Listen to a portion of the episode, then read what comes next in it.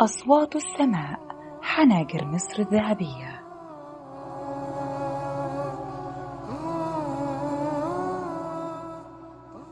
أهلا بكم مستمعي بودكاست المصري اليوم وحلقة جديدة من برنامج أصوات السماء. معاكم أنا نشوى فاروق والنهاردة هنتكلم معاكم عن ريحانة المداحين. مداح رسول الله بصوته العذب اللي بيوصل للقلب وبيغذي الروح تتمايل الأجساد والجوارح.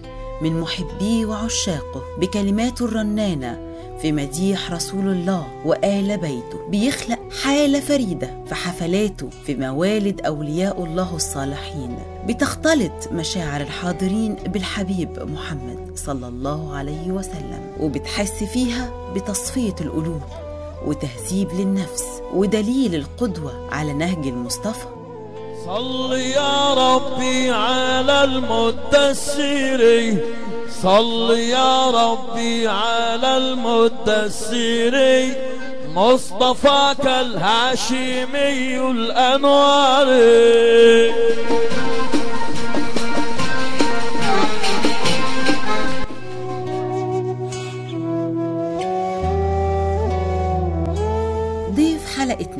الشيخ أمين نصر الدين الدشناوي ولد عام 1960 في مركز دشنة بمحافظة قنا في أسرة بسيطة في مدينة دشنة واكتشف موهبته منذ السنوات الأولى من عمره عندما كان في المرحلة الابتدائية بمدرسة المصنع وبدأ ينشد للناس في عام 1973 وكان عمره وقتها 13 عاما وكان أول من سمعوا هم عمال ومهندسو مصنع سكر دشنة المجاور لسكنه. وكانت ليلة الاحتفال بمولد رسول الله صلى الله عليه وسلم داخل مدرسته وأبدوا إعجابهم بحلاوة إنشاده وصوته الرنان. من الله على الشيخ أمين الدشناوي وهو طفلا في التاسعة من عمره موهبة الحكي والصوت العذب ومهارة الحفظ وده اللي خلاه انعزل عن زاويه ليمدح بعفوية وفطرة الصغار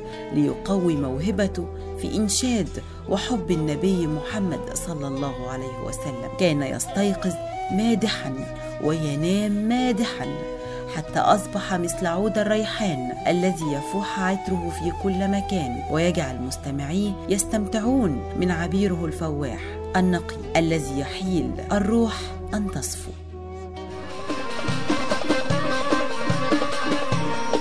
يا وسيلة كل مرسول آتى. يا حبيبا جست فوق السدرات يا وسيلة كل مرسول آتى. يا حبيبا جست فوق السدرات أنت وتر قد تملى بحضرة أنت للإيجاد أصل المصدر.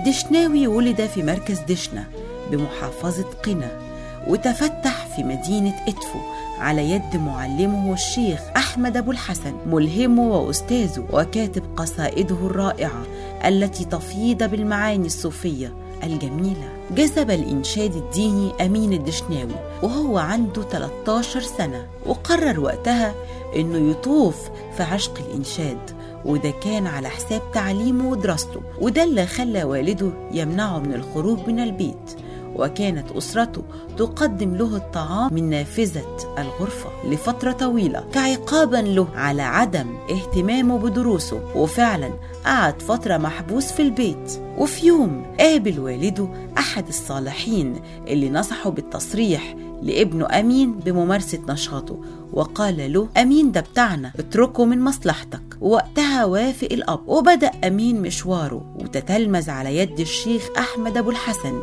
في ساحة قرية الكلح التابعة لمركز إدفو في أسوان. ويعتبر الدشناوي الشيخ أحمد أبو الحسن هو من سقله وألهمه في الإنشاد. وانتقل الدشناوي في منتصف السبعينات إلى القاهرة لتسجيل بعض شرائط الكاسيت القديمة ومنها انتشرت شهرته. يا سيدة زينب نظرة إلينا.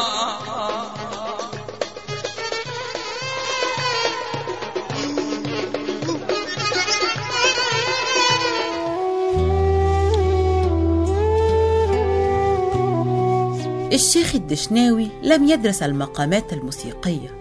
ولكنه أتقنها من الخبرة والممارسة وهو كان يستعير في أحيان كثيرة بألحان أغاني أم كلثوم لينشد عليها القصائد الصوفية والمدائح وكان بيفسر ده إنه جاء معه بمحض الصدفة من خلال تراكم سماعه لتلك الألحان في الشوارع والمقاهي وإنه لا يرى في ذلك انتقاصا من القصائد أو منها ويمكن ده كان سبب من أسباب شيوعه الكبير في الأوساط الشعبية كون إن اللحن قريب على الأذن. أمين الدشناوي كان بيتميز بأدائه التلقائي وده كان سبب في ظهور الك...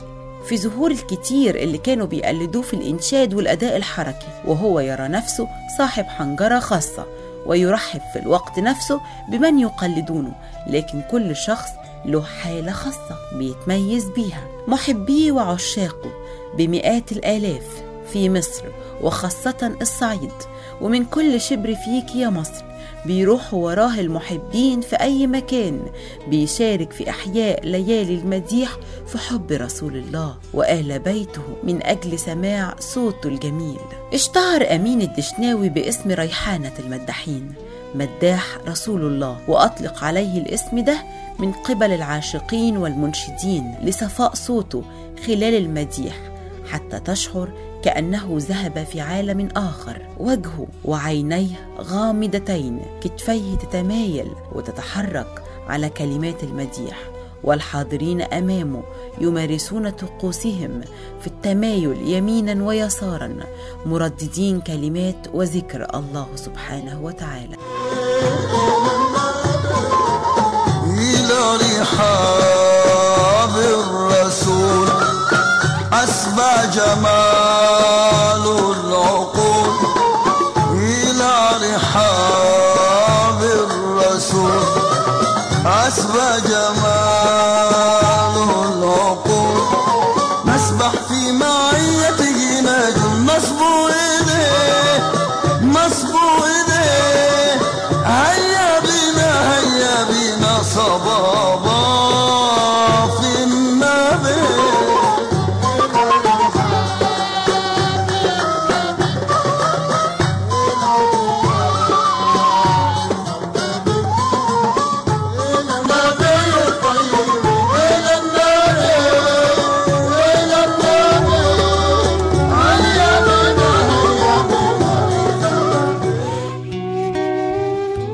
وعلى ده الحال بيفضل ساعتين متواصلين تفصلهم ساعة للراحة تعقبها جولة أخرى من المديح حتى النزول إلى صلاة الفجر. وبعدها تتفرق الأجساد وتظل حركاتهم تذكرهم في ليلة هيئ لها الجسد والروح. كان يرى الدشناوي أن الإنشاد الديني هو حمل ثقيل لا يقدر عليه إلا صاحب قلب قوي وجسد حصين والمديح في حب رسول الله والطرق الصوفية يمثلان وسطية الإسلام وينبذان العنف والتطرف وينشران السماحة والمحبة بتعانق الأرواح بين كل الطبقات. ومع شهرته الواسعة وانتشار صوته تعلق آلاف المحبين به. وفي يوم من الأيام دعاه فضيلة الشيخ محمد متولي الشعراوي رحمة الله عليه. ولبى الدشناوي دعوته وده كان لسماع أنشودة دينية كما دعاه الرئيس السابق محمد أنور السادات بالتعاون مع القوات المسلحة في إعداد حفلات مديح في حب آل بيت الرسول. وذاع الصيت ووصل لبلاد الغرب وسافر الدشناوي في رحلة حول العالم يطوف وينشد في حب النبي وآل بيته. وزار فرنسا وألمانيا والسويد وهو في فرنسا التقى بالرئيس الفرنسي جاك شيراك.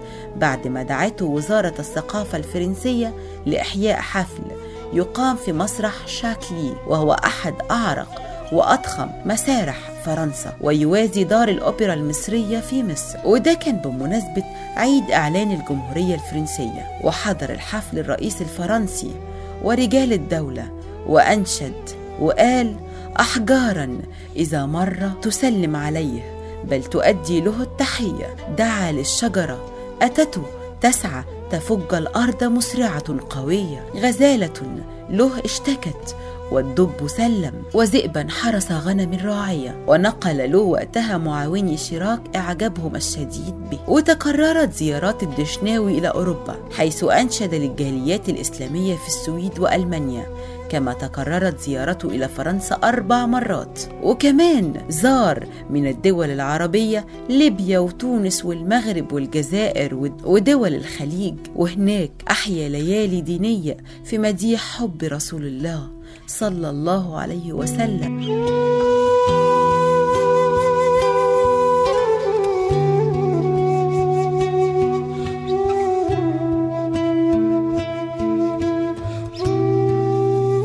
ومدح أشهر أناشيده أنشودة أم العواجز التي يرددها العاشقون والمحبون أينما مكثوا في إشارة إلى السيدة زينب رضي الله عنها. الشيخ أمين الدشناوي له طقوس خاصة وأسلوب فريد هو بس اللي بيعمله إنه بيقوم بإخفاء عينيه بيده أثناء الإنشاد اللي ممكن يمتد إلى خمس ساعات متواصلة لأنه مؤمن بإنه بيعيش في أجواء روحانية وإنه في أشياء كتيرة يراها أثناء المديح ولا يراها غيره وإنه بيحاول يكون في حالة اندماج كامل وبينظر وقتها فضل الله فتأتي الكلمات والألحان دون اتفاق مع أحد حتى الذين يعزفون وراءه لا يعرفون ماذا سينشد وكيف يأتي اللحن وأول لما بيجي اللحن بتندمج الفرقة معاه وكأنه متفق معاها وكمان كأنهم متدربين كتير جدا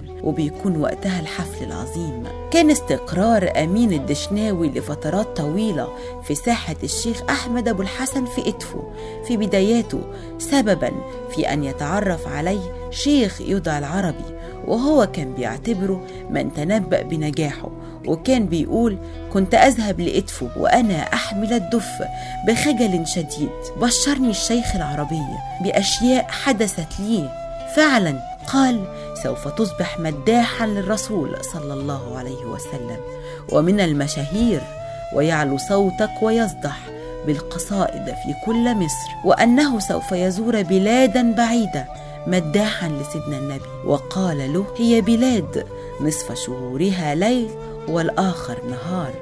وقد تحقق ذلك فقد دعوت لزيارة السويد وأنشدت في مجمع إسلامي كبير. ولا تندهش إذا قلت لك أنني رأيت بعيني في ذلك البلد مجذوبا في الشارع يقول نصف شهورها ليلا والنصف الآخر نهارا.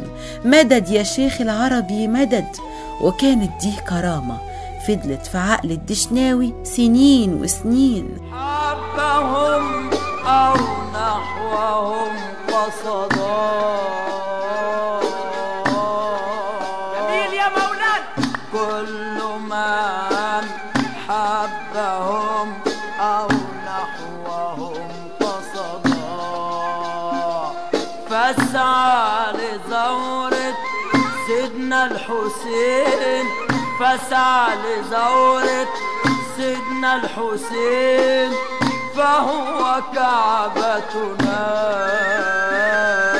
ابن النبي ألا من زاره ومن الحكايات اللي اتشهر بيها الريحانة المداحين الشيخ أمين الدشناوي إنه كان في أحد دواوين قرية أبو حزام التابعة لمركز نجع حمادي شمال قنا وكانت التجهيزات تجرى على قدم وساق لإتمام مراسم صلح سأري بين عائلتين في القرية المشهورة بالخصومات السأرية وأثناء العشاء وقعت مشادة بين طرفي العائلتين وتطور الأمر إلى مشاجرة بالأسلحة النارية وكاد الصلح أن يتحول إلى مأتم كبير ووقتها كان المنشد أمين الدشناوي حاضرا لإحياء ليلة إنشاد احتفاء بإتمام الصلح. ووقتها ما كانش قدام الدشناوي عشان يستخبى من طلقات الرصاص سوى ترابيزة في الديوان وكان مذعور من اللي بيحصل. وما كانش الدشناوي لوحده اللي تحت الترابيزة لكن كان معاه مرافقه الشيخ أحمد أبو الحسن اللي نصحه إنه يبدأ الوصلة الأولى من الإنشاد من تحت الترابيزة وبتحسب شديد. نجح أمين الدشناوي في الحصول على الميكروفون وبدأ ينشد منفردا دون فرقته حتى أجبر من يطلقون النار على التوقف خجلا منه. وعاد الهدوء إلى الديوان ليجد الدشناوي جزءا من الحائط الذي يجاوره دمر تماما من فرط إطلاق النار. كان الدشناوي يرى أن الصوفي كثير الصلاة صادقا كثير الصلاة على سيدنا النبي صلى الله عليه وسلم. أدواته هي مجاهدة نفسه شارعا في التقرب من الله سبحانه وتعالى. يصغر نفسه ويكبر ذنوبه يخاف خوفا شديدا منها.